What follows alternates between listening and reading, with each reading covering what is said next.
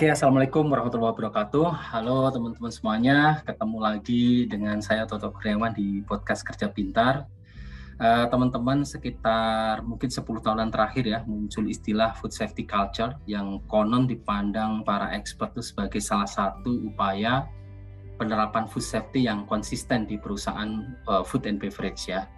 Nah, mengapa sih muncul approach atau istilah tersebut dan bagaimana detail kontennya?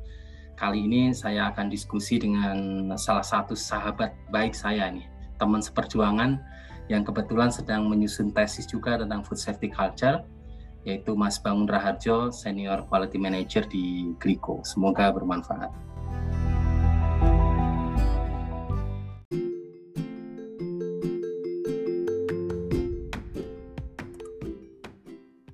Halo semuanya, uh, saya membuat podcast kerja pintar ini sebagai media untuk diskusi dengan sahabat-sahabat saya agar ilmu kami terus berkembang.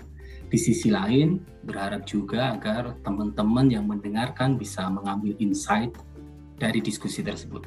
Nah, Anchor memfasilitasi diskusi tadi dengan sangat bagus. Kita tinggal put our voice here and Anchor provide banyak kemudahan untuk membuat diskusi kita menjadi lebih menarik. So it does really, really simple. So join to Anchor and make your own podcast.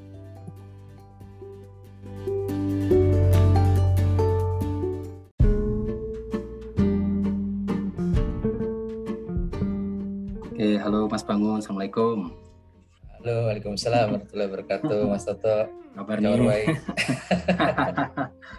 Lama banget ya. Lama ya. Kita Oh, jadi ceritanya panjang kalau diceritain. Panjang, panjang. Butuh sesi sendiri itu kayaknya. Butuh sesi sendiri. Oke, kita mungkin uh, singkatnya ya. Uh, kita sama-sama pernah bekerja di Danon ya, sehari saja. Ya, di Danon. Lalu kemudian Mas Bangun pindah ke Nutrisia. Nutrisia, saya pindah ke Danon Dairy.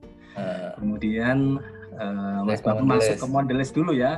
Nah, saya orang yang direkomendasikan. Jadi saya berutang budi nih masuk ke Mondelez. Oh, iya, iya sama Mas Bangun, kemudian uh, pindah ke Coca-Cola ya. Coca-Cola Indonesia, betul. Coca-Cola Indonesia, saya hmm. Kalkalbe Nutritional. Sekarang Mas Bangun yeah. di Gliko ya, uh, yeah, saya baru senior baru quality manager. Nah, saya di Kalbe Nutritional dulu deh. Betul ya. Oke. Oke, uh, dulu uh, oke okay, mungkin kita uh, nih Mas Bangun dulu di S1-nya di IPB ya. Ya IPB Teknologi Pangan ya. Dulu namanya okay. teknologi pangan dan gizi. Kalau sekarang ilmu teknologi pangan. Gizinya pindah ke gizi masyarakat ada oh, gizi ada masyarakat. fakultas sendiri ya. Fakultas hmm. sendiri ya. Hmm. Oke, kemudian sekarang S2 di IPB Sama, juga. teknologi pangan juga IPB. Wah, ini setia banget dengan teknologi pangannya. setia okay. amater. Iya deh.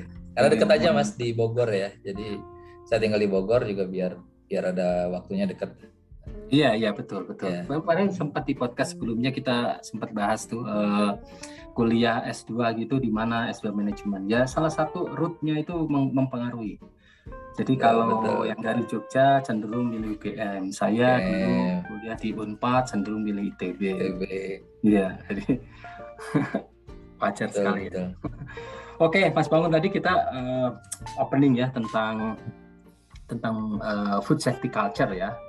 Ya. Uh, nah mungkin boleh cerita-cerita nih sharing ke kita nih. Saya ingin belajar juga, terutama mungkin kalau di Indonesia sendiri mungkin dua dua tahunan terakhir ya, mungkin marang hmm. sekali ya safety culture nih. Nah mengapa sih uh, muncul istilah itu ya? Apa nggak cukup sih dengan pendekatan-pendekatan yang sebelumnya gitu, FSSC dan sebagainya? Iya.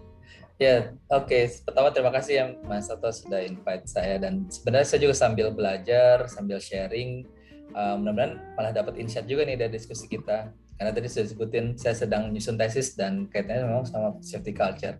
Khususnya kita mau lihat bagaimana itu kondisi di Indonesia. Nah kalau di uh, internasional worldwide sendiri sebenarnya food safety culture bahkan sebenarnya sudah sudah lama ya. Sudah lama tadi sudah bilang sekitar 10 tahunan. Dan kalau kita lihat sejarahnya itu banyak terinspirasi justru dari uh, safety culture atau dalam hal ini misalkan hmm. people atau occupational safety gitu ya. Nah, ingat hmm. dulu zaman kita di harus ada ya harus ada kita... ya ah, ini apa ya kiblatnya ke Dupont gitu. betul ingat relay curve-nya Dupont waktu itu yeah. ya jadi uh, ternyata saya coba buka-buka literasi kan di Research banyak baca jurnal itu ternyata emang kiblat awalnya itu banyak terinspirasi karena safety gitu hmm. safety culture hmm. sendiri karena di situ saya lihat banyak uh, apa ya uh, trigger ya terutama kan kenapa jadi jadi jadi ada kebutuhannya karena trigger triggernya biasanya eh, kejadian-kejadian uh, yang luar biasa kalau hmm. di safety itu misalkan uh, Chernobyl atau misalkan ada kecelakaan pesawat NASA dan sebagainya itu di, hmm, hmm. diinvestigasi. Dan ternyata banyak yang kemudian mengarah ke organization culture gitu. Hmm, ada salah satunya gitu. Nah semangat seperti ini kemudian sepertinya menginspirasi food safety profesional atau organisasi regulator gitu ya. Itu untuk membicarakan bagaimana juga uh, untuk mengatasi foodborne disease ya. Kalau di food safety kan uh, di industri pangan atau kita bicara pangan foodborne disease salah satu yang menjadi trigger jadinya. Kalau tadi kan safety accident atau incident kalau ini food uh, food safety accident atau food ah, safety food incident safety, ya. -hmm. karena kenapa food safety? Karena memang food safety ini yang uh, sangat berkaitan dengan public uh, public health uh, concern kan kalau kita ngomongin uh, quality secara keseluruhan mungkin ada food safety, ada quality gitu. Tapi kebanyakan sekarang istilah culture ini melekatnya food safety culture. Mm-hmm. Tapi perjalanannya itu memang banyak uh, berubah-ubah. Ada yang menggabungkan istilah quality di dalamnya ada food safety uh, dan quality culture. Dan mm-hmm. ada yang memang single sendiri gitu. Beberapa literasi uh, yang saya lihat umumnya memang fokusnya banyak ke food safety culture, lebih ke food safety-nya karena memang tadi kaitannya sama public health concern.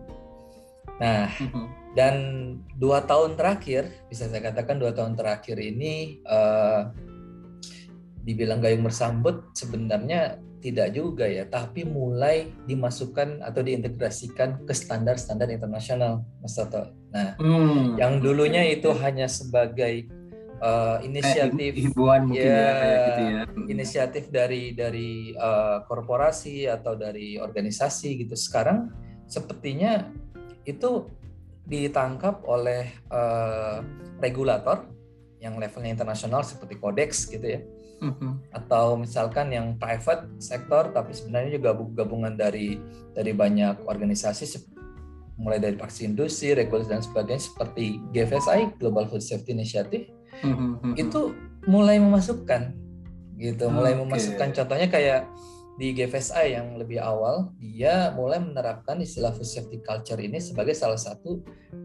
uh, additional requirement untuk sistem hmm. uh, manajemen keamanan pangan. Nah, GFSI sendiri sebenarnya kan dia ini apa bukan lembaga yang melakukan akreditasi atau sertifikasi sistem gitu ya. keamanan pangan bukan, tapi mm-hmm. dia yang mengakui gitu. Dia lembaga yang mengakui bahwa uh, sistem manajemen keamanan sistem manajemen keamanan pangan skim yang ada itu uh, itu bisa dipakai atau tidak. Contoh misalkan GFSI ini mengakui FSSC 22.000. GFSI ini mengakui uh, uh, International Feature Standard ada ada banyak yang lain. Uh, kayak misalkan SQF dan dan dan hal yang lain.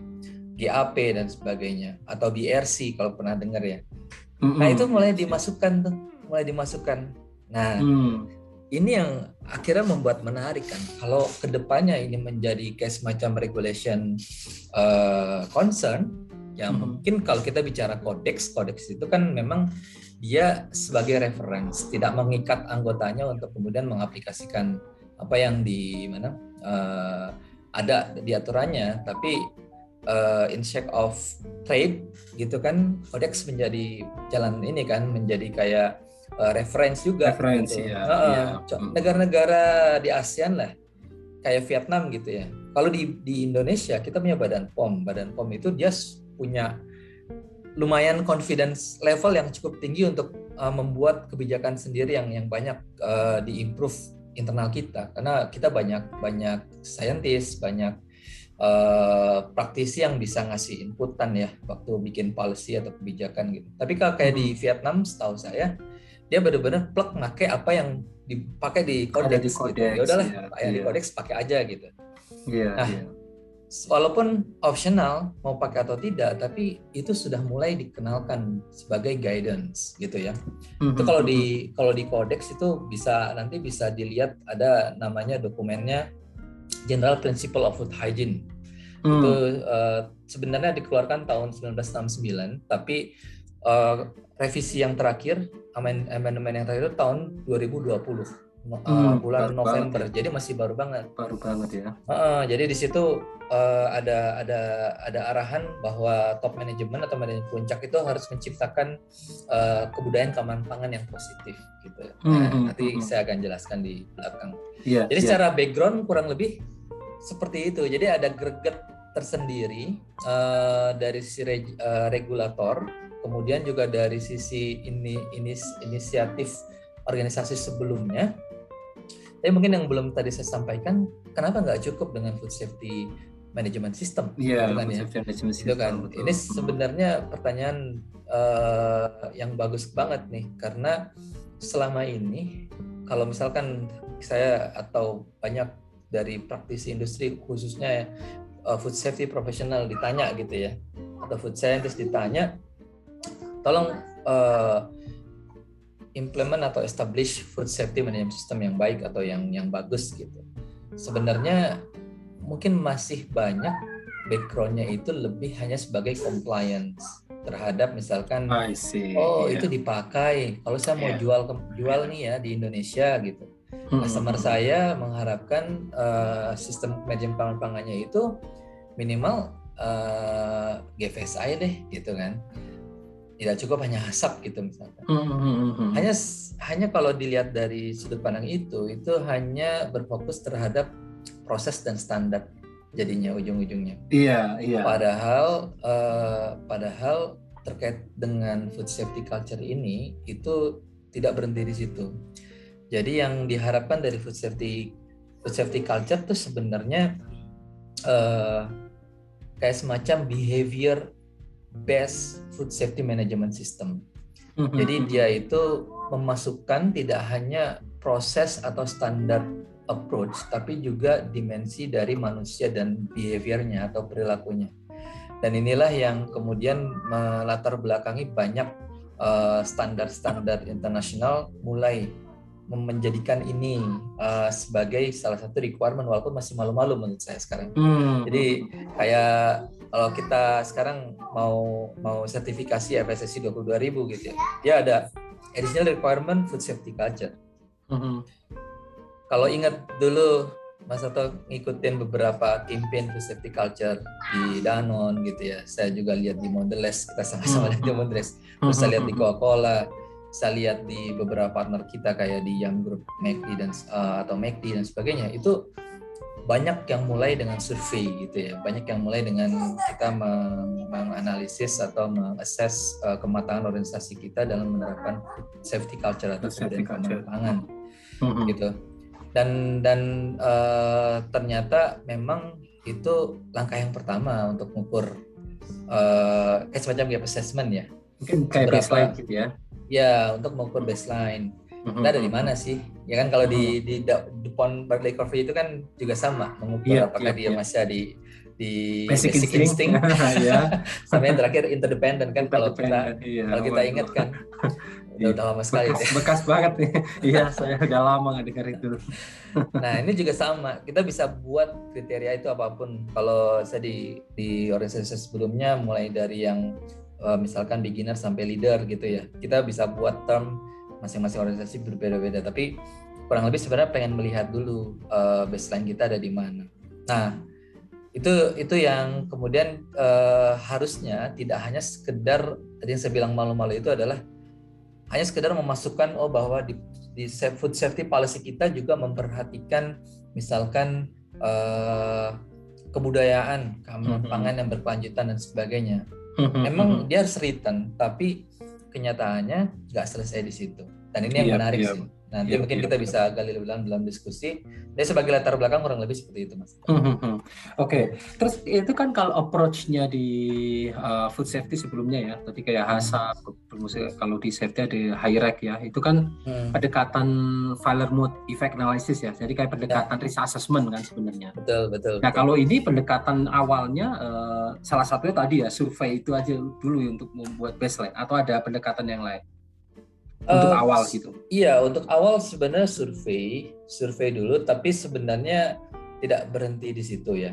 Hmm. Karena uh, setelah itu kan kita harus uh, membuat kemudian apa yang mau diukur gitu kan. Yeah, Kalau iya, misalkan yeah, yeah, kita yeah. bicara food safety program gitu ya. Hmm, hmm, hmm, nah, coba balik ke konsep awal ada beberapa paradigma yang harus uh, kemudian di setback nih kalau bicara ngomong food safety culture. Ini food safety culture ini bukan food safety program, literally. Hmm. Jadi uh, tadi yang saya bilang food safety culture adalah behavior based food safety management system. Ya, jadi dia itu memasukkan unsur dimensi manusia dan behaviornya, hmm. sehingga uh, kalau kita bicara food safety program yang atau food safety management system scheme yang yang sejauh ini ada itu memang harus kemudian kita lihat lihat ulang lagi aspek-aspek apa yang kemudian kita bisa munculkan dari sisi uh, people behavior kayak gitu. Nah ini yang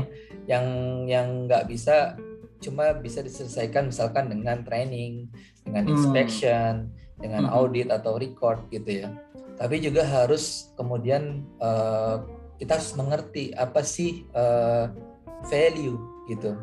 Nah, jadi kalau kalau pernah dengar istilah uh, apa ya, food safety culture itu adalah value, bukan prioritas. Ini menarik nih. Oke. Okay. Kenapa? Karena kalau prioritas itu bisa berubah kan sesuai dengan kebutuhan. Hmm. Tapi kalau value itu diharapkan tidak berubah karena itulah yeah. yang kita kita kita harapkan justru ada di, ya, di ya. organisasi ya. betul yeah, yeah. Mm-hmm. dan terkait value ini itu ada small group of people di di dalam organisasi ini yang memegang peran penting dalam kemudian menerapkan ini siapa dia siapa mereka itulah leader leadership mm-hmm. sebenarnya mm-hmm. leadership tim nah trapnya trapnya adalah kita jangan sampai terjebak bahwa leadership tim ini selalu berbicara top management misalkan LT gitu ya uh-huh. itu itu uh, bisa bisa salah dalam dalam penerapannya nanti karena memang top down kalau kita bicara value itu top down uh, tapi tapi juga harus juga ada middle manager gitu ya atau di katakanlah di secondary manager itu juga yang kemudian membantu memberikan masukan karena hmm. bisa jadi uh, level top manajemen ini kan punya punya ini ya punya cakupan responsibility responsibility yang lebih lebih luas lagi luas, kita ya. harus ngasih ngasih masukan gitu mm-hmm. dan value inilah yang kemudian oleh leadership team ini itu dia harus dirawat disupport ditumbuhkan dengan trust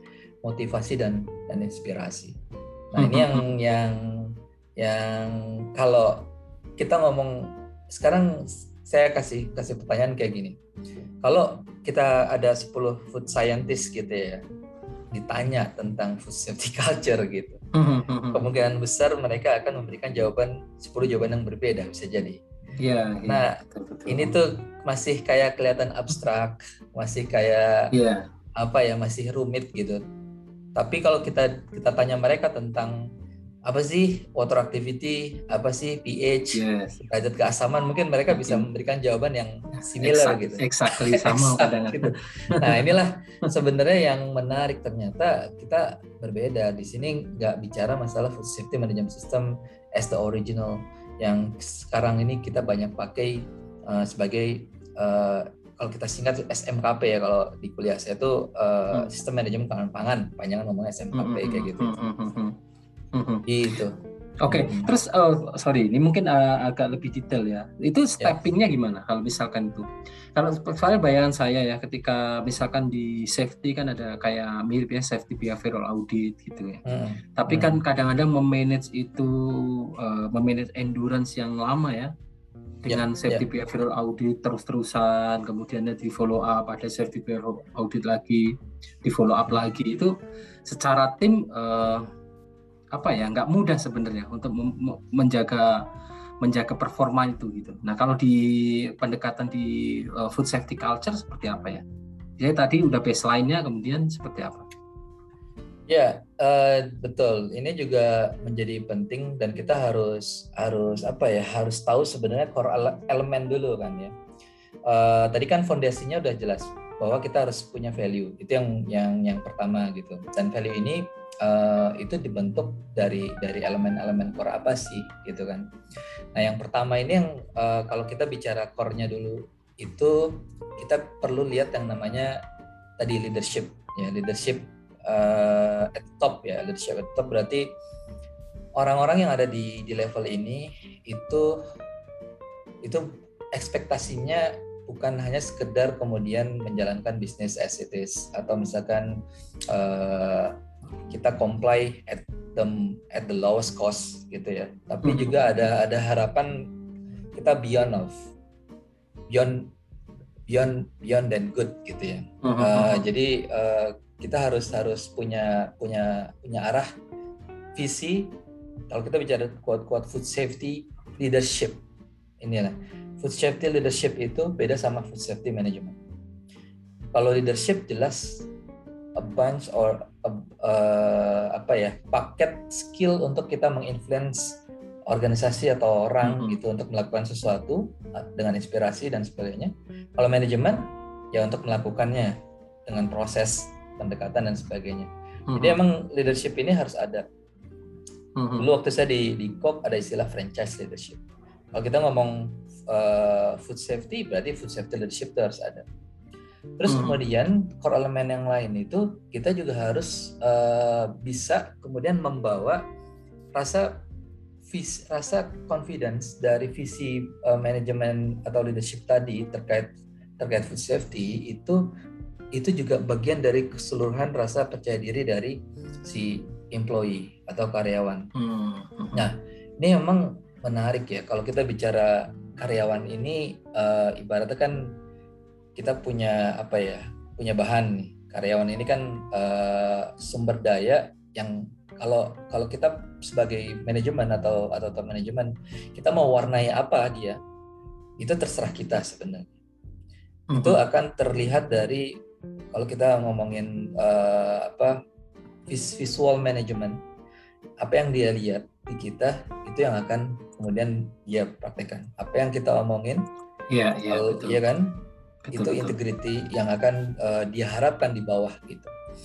Nah ya, ya. bagaimana di, mereka di kepingan ini selalu ada ya uh, sebenarnya visual manajemen komitmen ya. Betul. Betul ya. Dan bagaimana mereka punya rasa percaya diri untuk kemudian atau uh, rasa keyakinan terhadap terhadap apa yang dia kerjakan itu bisa memberikan dampak ke food safety itu sangat sangat dipengaruhi oleh satu ekspektasi yang diberikan gitu jadi emang harus harus clear gitu ya harus apa uh, jelas jangan sampai uh, terlalu generik gitu kan maksudnya bahasa bahasanya uh, harus detail kalau ngomong yeah. sama di di level uh, employee gitu. Employee. Yang ketiga ya, harus applicable. Uh, harus applicable. Yang ketiga hmm. tadi sudah sebenarnya sudah kesebut clear management, visibility dan leadership ya. Ini hmm. ini tadi sudah tersebut. Nah, terus yang keempat accountability at all level. Jadi accountable accountable itu melekat sama orang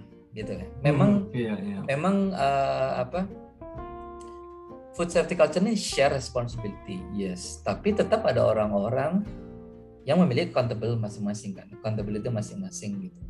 Dan kita nggak bisa karena di food safety culture ini itu ada harus ada sense of perfection. Sense of perfection itu untuk apa? Untuk beberapa yang memang memiliki priority atau mandatory requirement. Contohnya kalau kita bicara food safety atau regulation hmm Kalau udah kaitannya sama food safety yang punya public health concern, orang karyawan nggak semua organisasi level organisasi yang di uh, karyawan di semua level organisasi itu dia harus memiliki concern yang sama. Kalau kita berharap dengan food safety requirement atau regulasi terkait food safety itu non non negotiable. Nggak bisa kita kurangin satu persen saja di situ. Nah, tapi kalau misalkan yang lain, ruang yang lain, misalkan kita bicara fit for purpose. Kalau kita ngomongin contoh misalkan saya ngomongin masalah spek uh, secondary packaging. Kalau secondary yeah. packaging ya dia nggak kontak dengan produk gitu.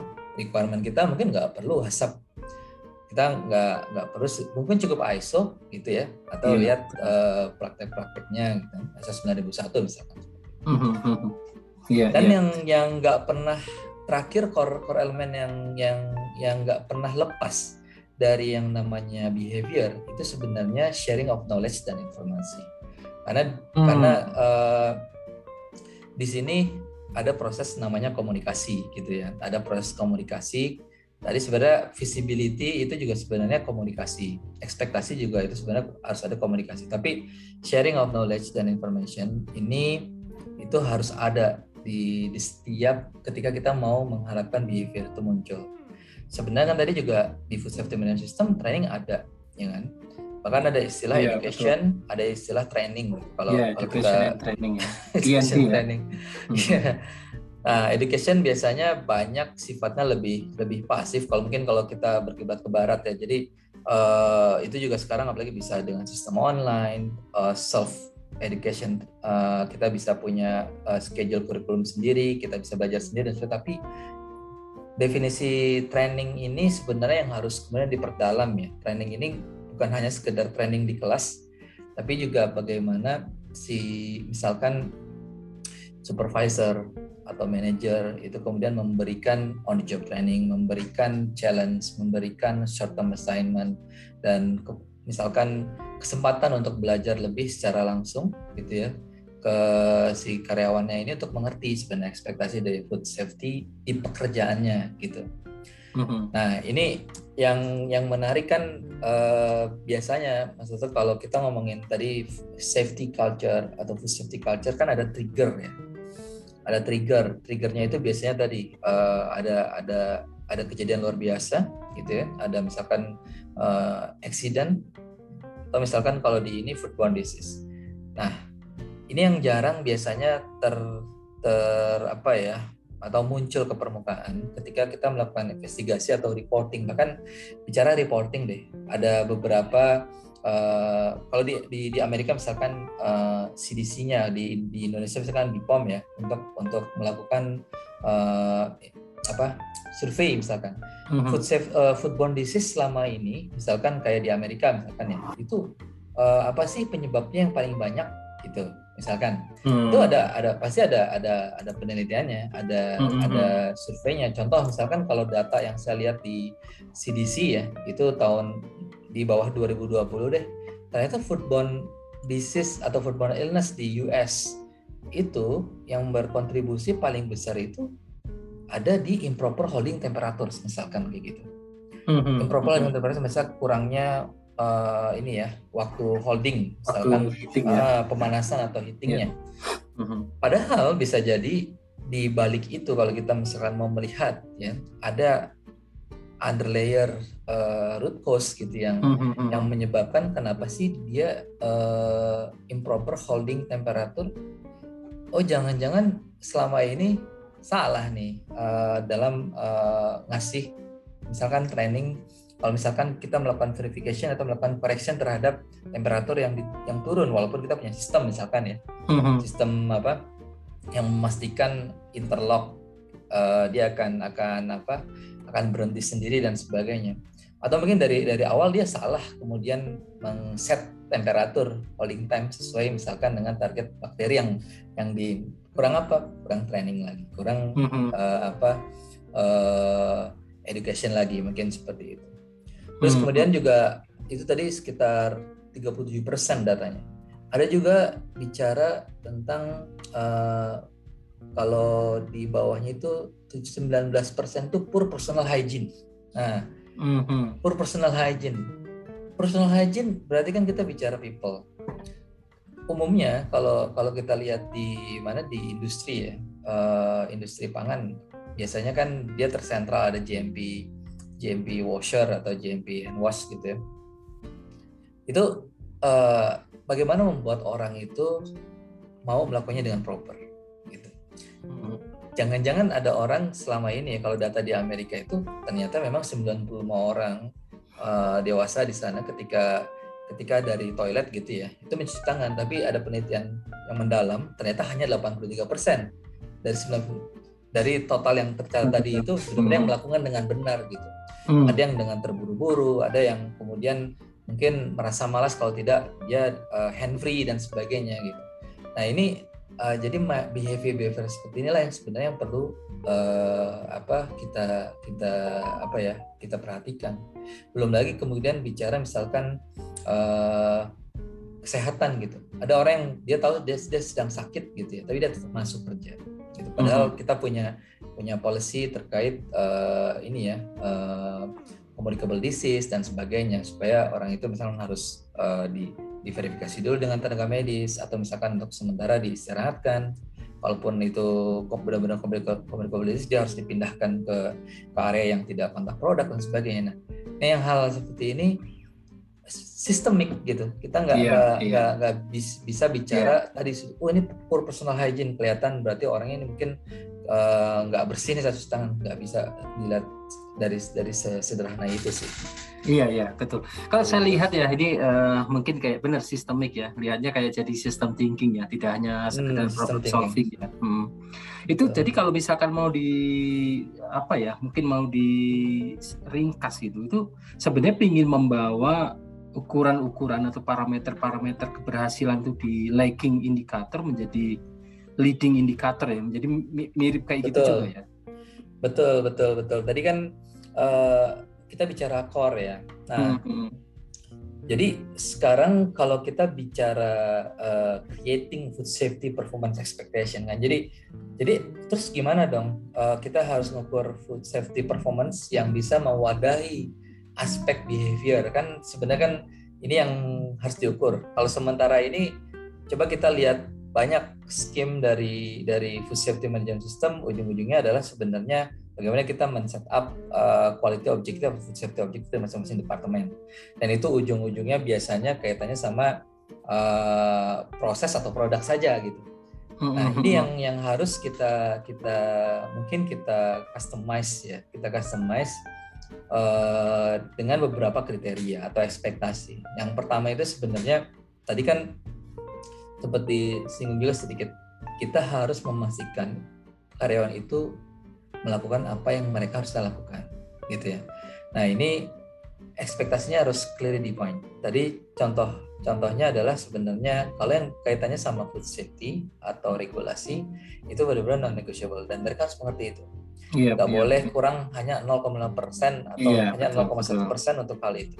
Tapi di luar itu, itu kita punya area untuk kita mungkin kompromis atau kita mm -hmm. uh, melakukan pendekatan fit for purpose atau risk based.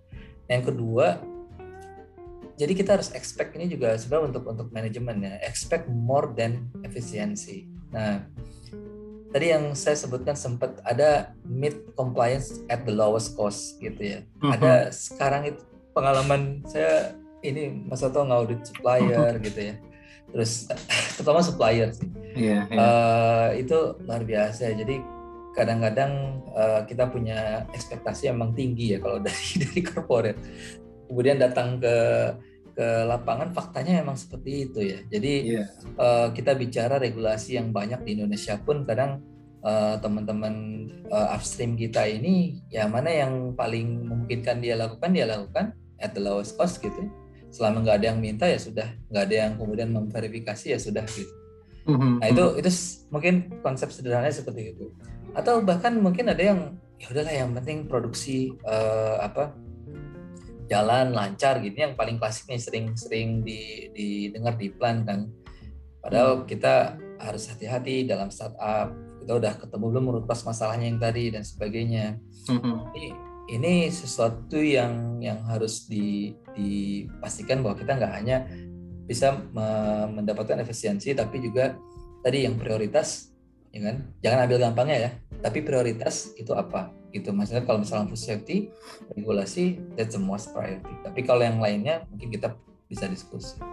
Mm-hmm. nah terus juga kita harus kriteria yang berikutnya kita harus expect apa ya proper food safety attitude ya. Jadi kayak sikap atau perilaku. Perilaku ya. Ya perilaku yang yang bisa menjaga yang menjaga ini tadi itu uh, kalau food safety sama regulasi itu nggak boleh main-main kan gitu. Ini yang harus harus dibawa karena itu kan akan berdampak terhadap public health concern. Nah di di di Indonesia to be honest sebenarnya uh, studi untuk kemudian membuat kayak semacam uh, apa ya kalau istilahnya food safety objektif kalau di istilah istilah sistem manajemen pangan itu biasanya regulator atau reg, reg, manager regulasi manager kayak BPOM itu uh, dia melakukan kayak semacam penelitian sebenarnya.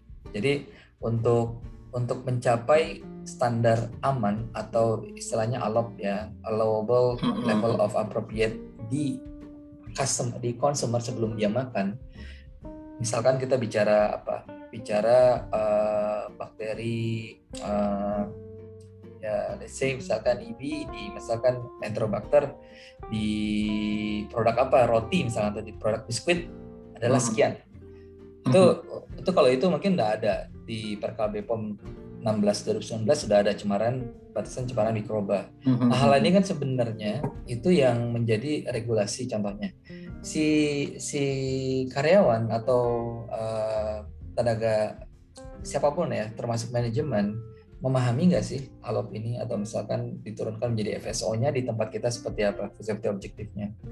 Kalau misalkan tahu bahwa konsekuensinya itu bisa kita bisa kena delik nanti kalau misalnya nggak memenuhi itu atau kita bisa membahayakan customer itu hmm. mereka akan punya attitude yang yang lebih lebih apa ya lebih baik lagi tidak hanya sekedar mengerjakan apa yang ada di hadapannya gitu ya nah hmm. ini yang yang membangun ini sebenarnya yang yang nggak bisa nggak bisa semalam sih kayak iya, misalnya kita bisa instan, ya. istilahnya kita habis baca buku belum tentu kita bisa nulis buku kan gitu jadi kita harus yeah. harus harus butuh belajar butuh uh, internalisasi terhadap value-value mm -hmm. yang diinginkan gitu mm -hmm. terus tadi saya sebutkan juga be spesifik ya not generic nah hindari sekedar slogan gitu ya tapi mm -hmm. harus dilakukan employee harus jelas dan hmm. pernah dengar istilah kalau di di di dulu kita pernah ada kayak semacam golden rules di safety ya terus oh, iya. uh, kalau di US tuh ada food code kayak, gitu ya. ya safety basic principle safety basic principle ini hal-hal yang simple tapi sebenarnya critical kalau kaitannya food safety mungkin kalau kita pakai contoh yang di FDA ya di FDA punya food code dia contohnya misalkan bicara masalah manajemen dan personal bicara masalah makanan, bicara masalah equipment, utensil, sama uh, layanan, atau bicara masalah air, plumbing, waste gitu. Ini dipakai banget kalau misalkan kita, uh, contohnya misalnya kita mau ini ya, kita mau uh, ekspor produk kita di mana? Di ke US. FDA audit tuh ngeliat-ngeliat ini banget gitu, sebagai food code-nya gitu, kayak golden rules-nya kalau misalkan kita datengin apa datengin uh, produk dari dari luar negeri kalau di US mereka harus harus harus protect betul gitu dengan dengan golden rules ini gitu. Ya, oke. Okay, terus gitu. kalau gini ngukurnya ya, saya saya masih penasaran cara mengukurnya karena hmm. kalau misalkan di hasap ya uh, pendekatan hasap atau high itu kan diukurnya clear ya, ketika hmm. bisa menurunkan level resiko atau menghilangkan atau memitigasi gitu kan hmm. secara ini seperti itu kan. Jadi ukurannya mudah gitu bahwa oh kita menganggap ini masih menjadi threat atau menjadi risk ya itu hmm. seperti apa dan kita kondisi kita ini baik-baik aja apa nggak baik-baik aja itu kan clear ya. Hmm. Nah kalau untuk yang uh, food safety culture ini uh, ngukurnya gimana? Jadi kita bisa detect nih kita yeah. on track apa kita nggak on track nih gitu sebenarnya sama kita juga bisa set up tadi sebelum saya jawab ya terkait lagging hmm. indikator sama leading indicators. Hmm. nah kalau di food safety culture mungkin beberapa yang bisa kita tawarkan tentang leading indicators itu sebenarnya tadi yang awal adalah survei karena survei ini nggak berhenti di di waktu initial survei kan. Nanti misalkan setelah implementasi satu tahun kita survei lagi kita ada di level mana kan? Yang yang kita tadi bisa cek nanti di di kurva kemataan organisasi itu gitu ya ada kuantitatif, kualitatif filter survey. Yang kedua misalkan leading indicators kita bisa pakai knowledge assessment. Kayak semacam uh, kita bisa cek lagi uh, skill kompetensi analisis hmm, hmm. gitu ya. Uh, knowledge assessment. Ini juga nggak nggak cukup di awal saja waktu kita misalkan hire orang gitu ya. Atau misalkan waktu develop.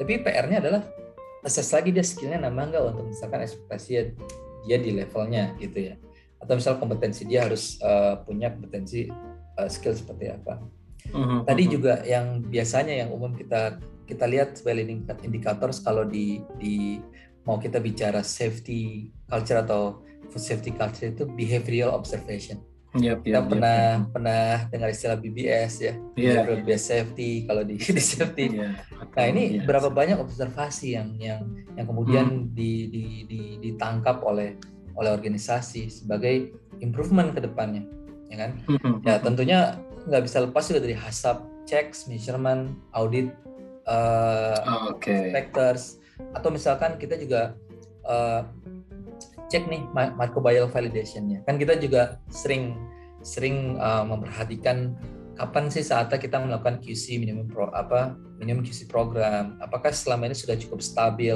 uh, misalkan upstream ingredient gitu ya atau misalkan performance di di manufacturing kita gitu.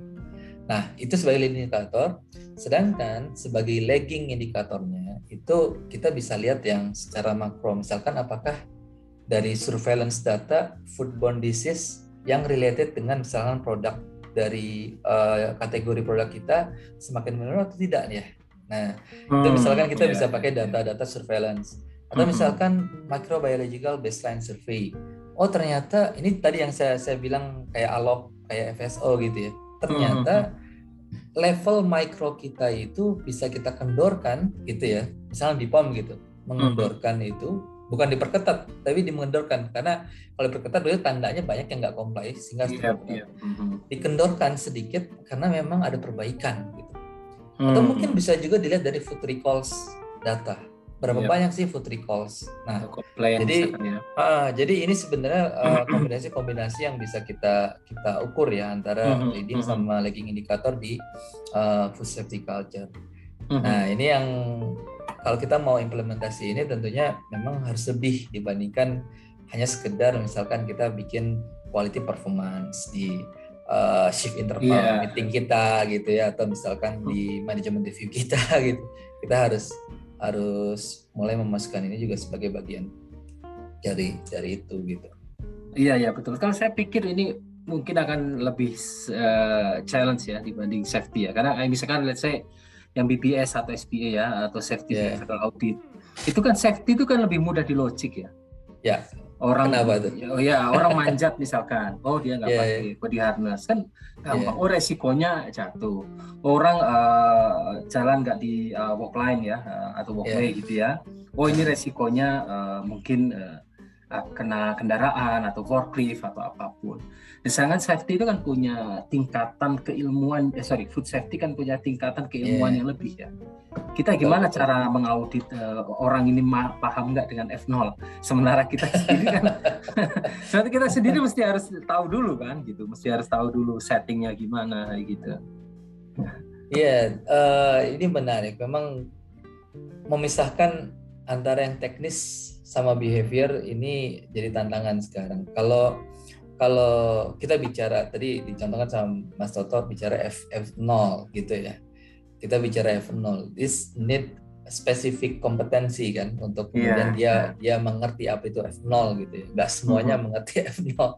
Tapi uh, tapi kalau itu kita bawa ke mana ya Mas? Kita bawa ke ranahnya employee di level lapangan ya hmm misalkan gitu ya contoh contoh tadi yang kita pakai contoh kasus poor personal hygiene kan sebenarnya itu risk factornya kan secara generik ya maksudnya mm-hmm. poor bahasanya kan umum sekali Iya, nah, sangat generik ya. Kira-kira behavior, spesifik behavior yang di expect untuk hmm. menghindari personal hygiene ini apa sih? Kan itu pertanyaan yang harus kita kemudian bangun.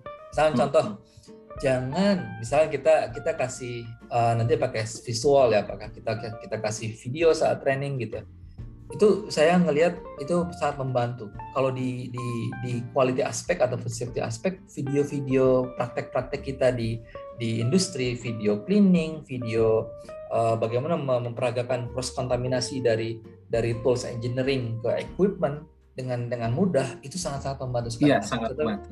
Contoh misalkan kita bikin tadi expected behaviornya jangan bekerja dengan makanan jika sedang sakit.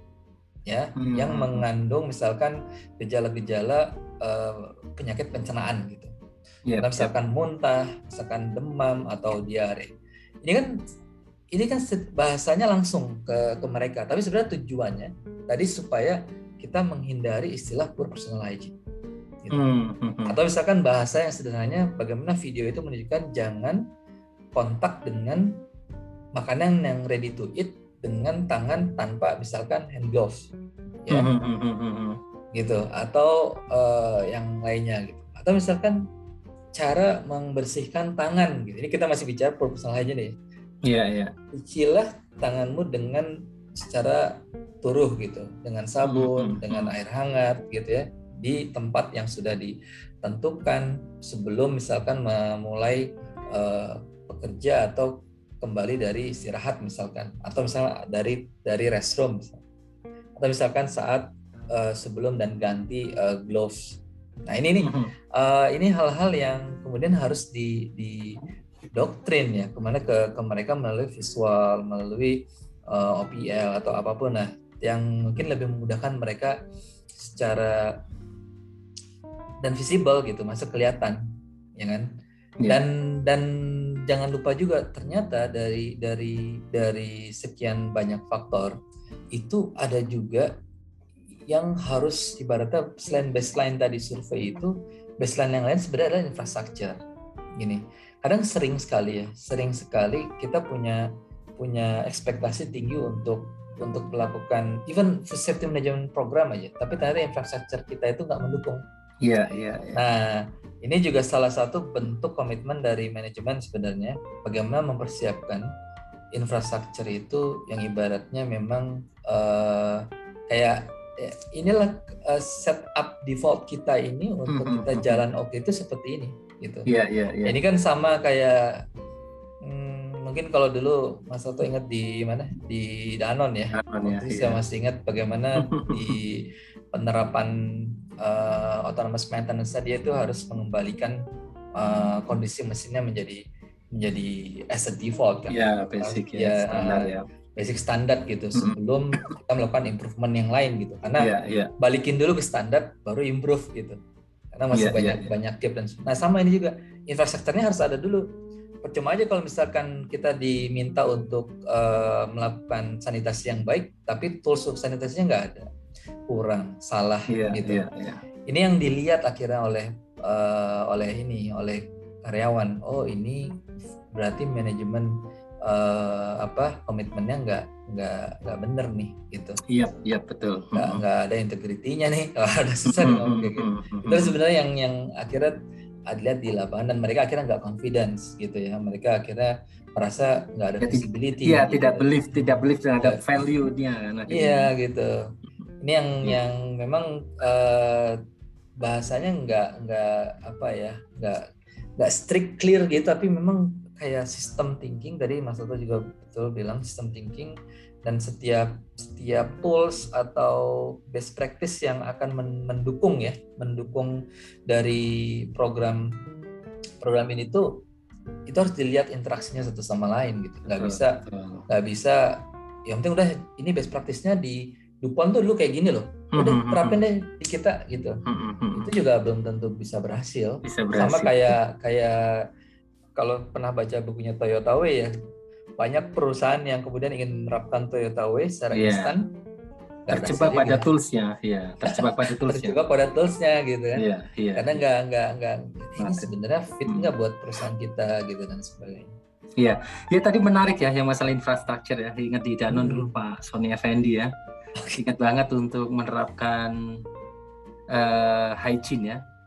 Jadi standar hygiene-nya ingat banget saya uh, kalau libur uh, jalan-jalan ke Ambarukmo Plaza ya di Jogja. Oh, gitu. gitu. Ya, nanti pabrik kita itu bersihnya harus minimal kayak gitu.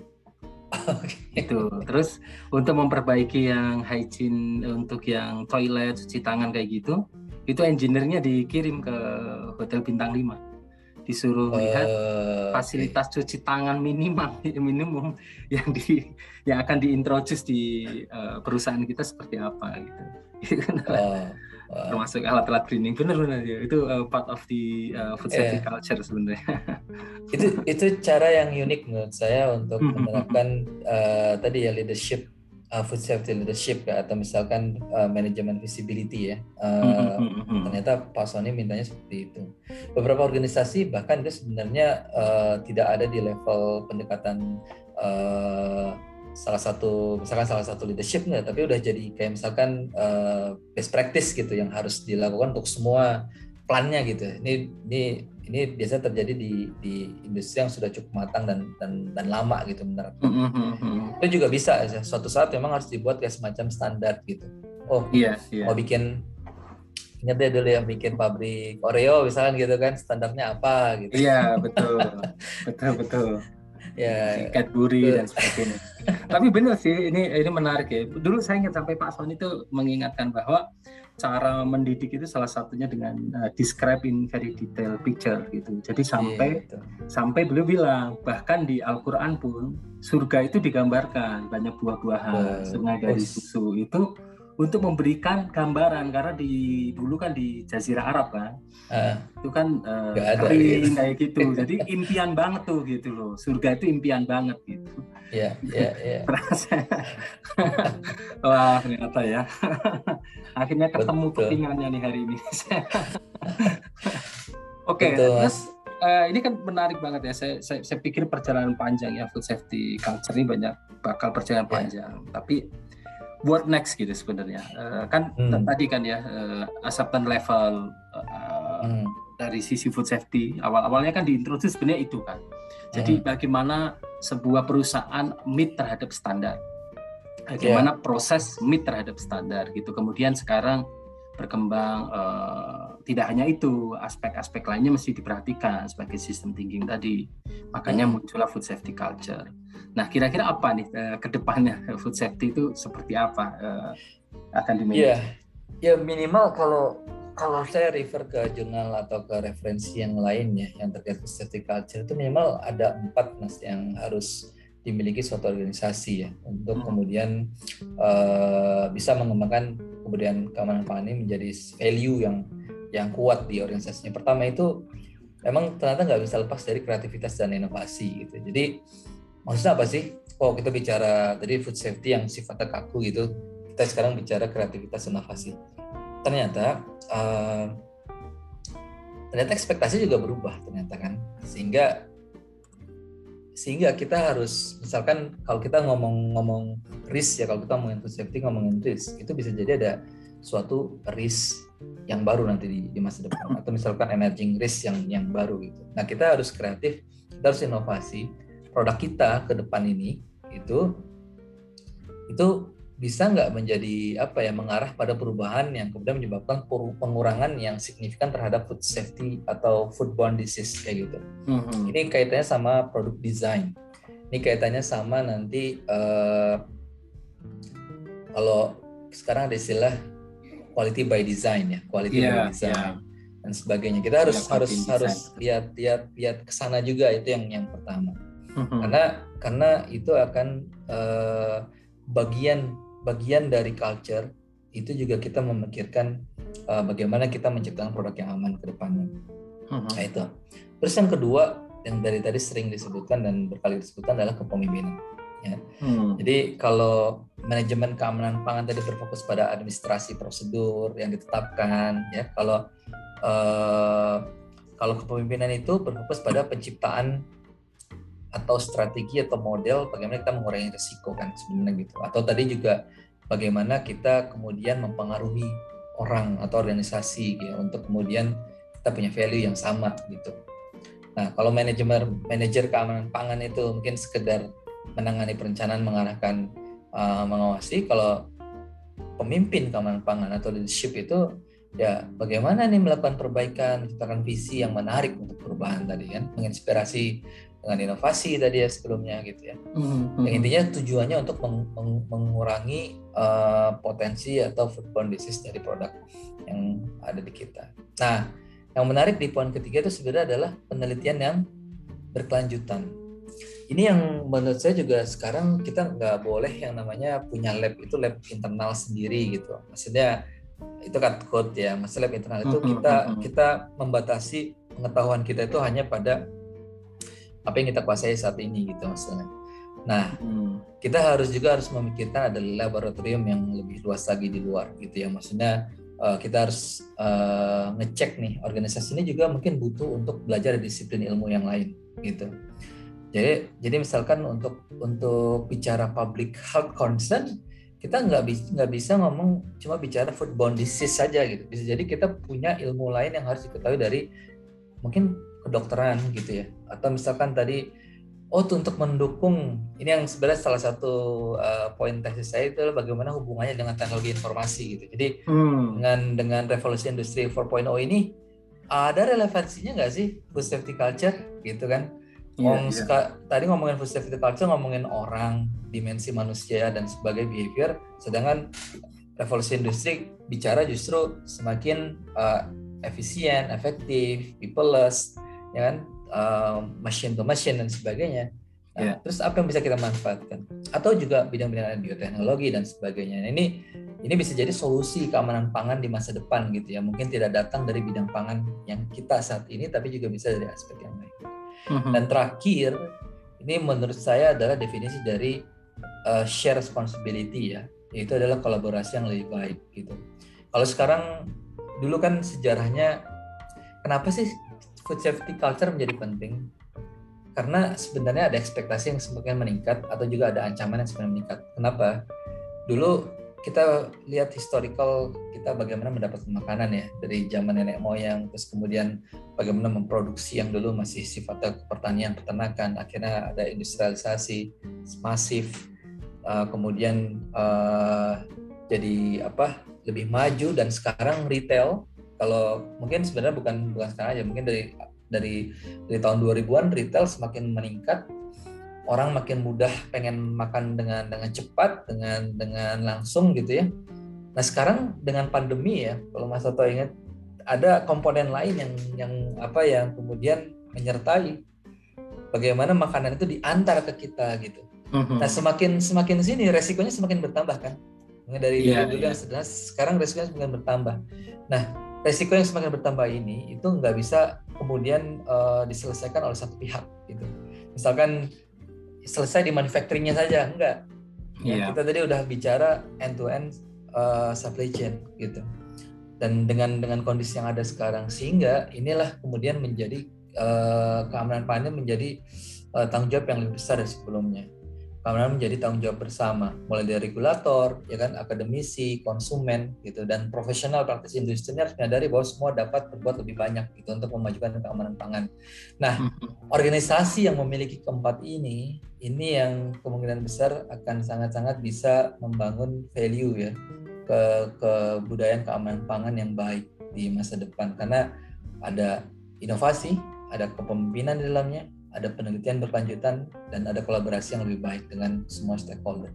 Ini yang mm-hmm. yang saya uh, coba samarikan sih kalau misalkan nextnya organisasi seperti apa tuh hmm. yang mungkin bisa bisa apa ya menerapkan ini dengan baik.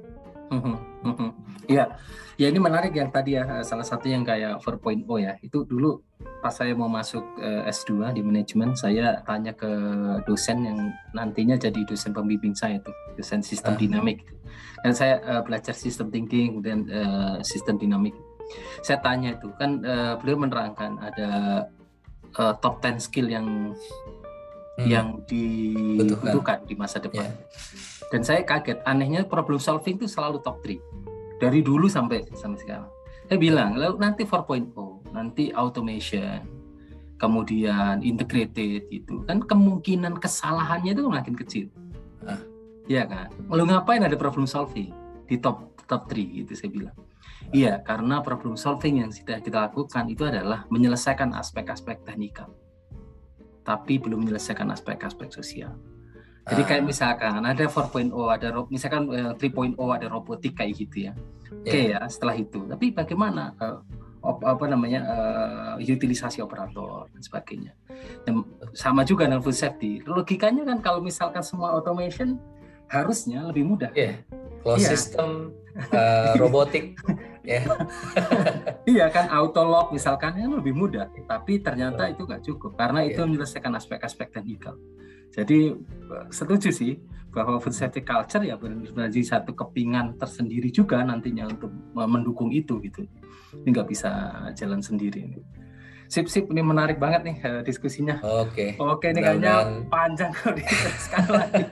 Oke mungkin pesan-pesan nih buat praktisi-praktisi quality mungkin khususnya yang masih muda-muda ya. Uh, kita tentunya juga sadar bahwa obrolan ini kalau misalkan sama senior-senior mungkin ya kita mesti belajar tapi mungkin buat yang muda-muda apa nih pesan-pesannya?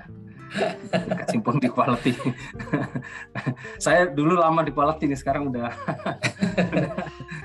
Ya tadi sempat saya uh, sempat saya singgung sedikit ada satu kata. Kalau misalkan misalkan dalam proses hiring ya gitu ya hmm. kita mencari QA atau QC spesialis ya terus kemudian saya tes pertanyaannya gimana sih cara bikin uh, sistem keamanan pangan yang baik menurut kamu atau yang hebat gitu ya Nah, itu jangan kalau harapan saya ke depannya jangan terjebak hanya di proses atau standar approach gitu ya. Hmm, hmm, hmm, Tapi harus satu level di depannya uh, uh, beyond goodnya itu adalah kita juga bicara culture gitu. Jadi bicara culture uh, aspeknya akan lebih dynamic tadi. Aspeknya akan lebih ke people dan sebagainya. Aspeknya akan lebih ke tadi apa multi-functional, multi-departemen, hubungan satu sama lain dan sebagainya. Dan itu akan akan terlihat seberapa jauh penguasaan si ini ya apa uh, kandidat ini dan sebenarnya hmm. bukan hanya konteks kandidat ketika kita bekerja ya udah jadi jadi jadi karyawan di salah satu industri pangan gitu yang harus terus dibawa sih jangan berhenti dengan dengan proses jangan berhenti dengan dengan standar tapi juga harus bawa behavior atau human dimension ke ke ke food safety management sistemnya mm-hmm. gitu iya, dan yeah, sebenarnya ini mungkin juga saya sekalian sedikit promosi rencana tesis saya nih Mas Toto. Oh, sip sip boleh boleh. Kalau ada yang dengar ya nanti ya di podcast ini ya, saya mungkin ke depannya akan membuat survei sebenarnya.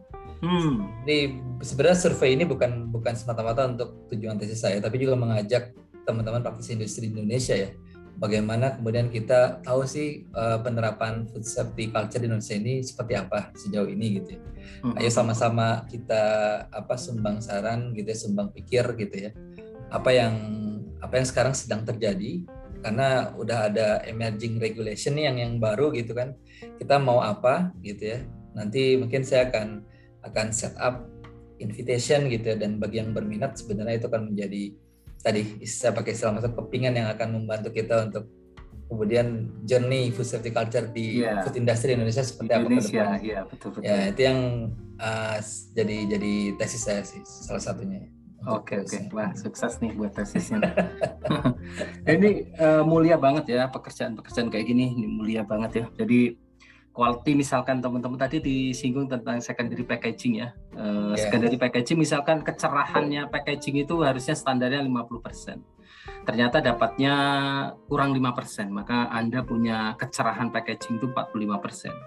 Tapi kalau food safety uh, stand, standar 100%, ada mikro satu ya Anda nggak dapat apa-apa.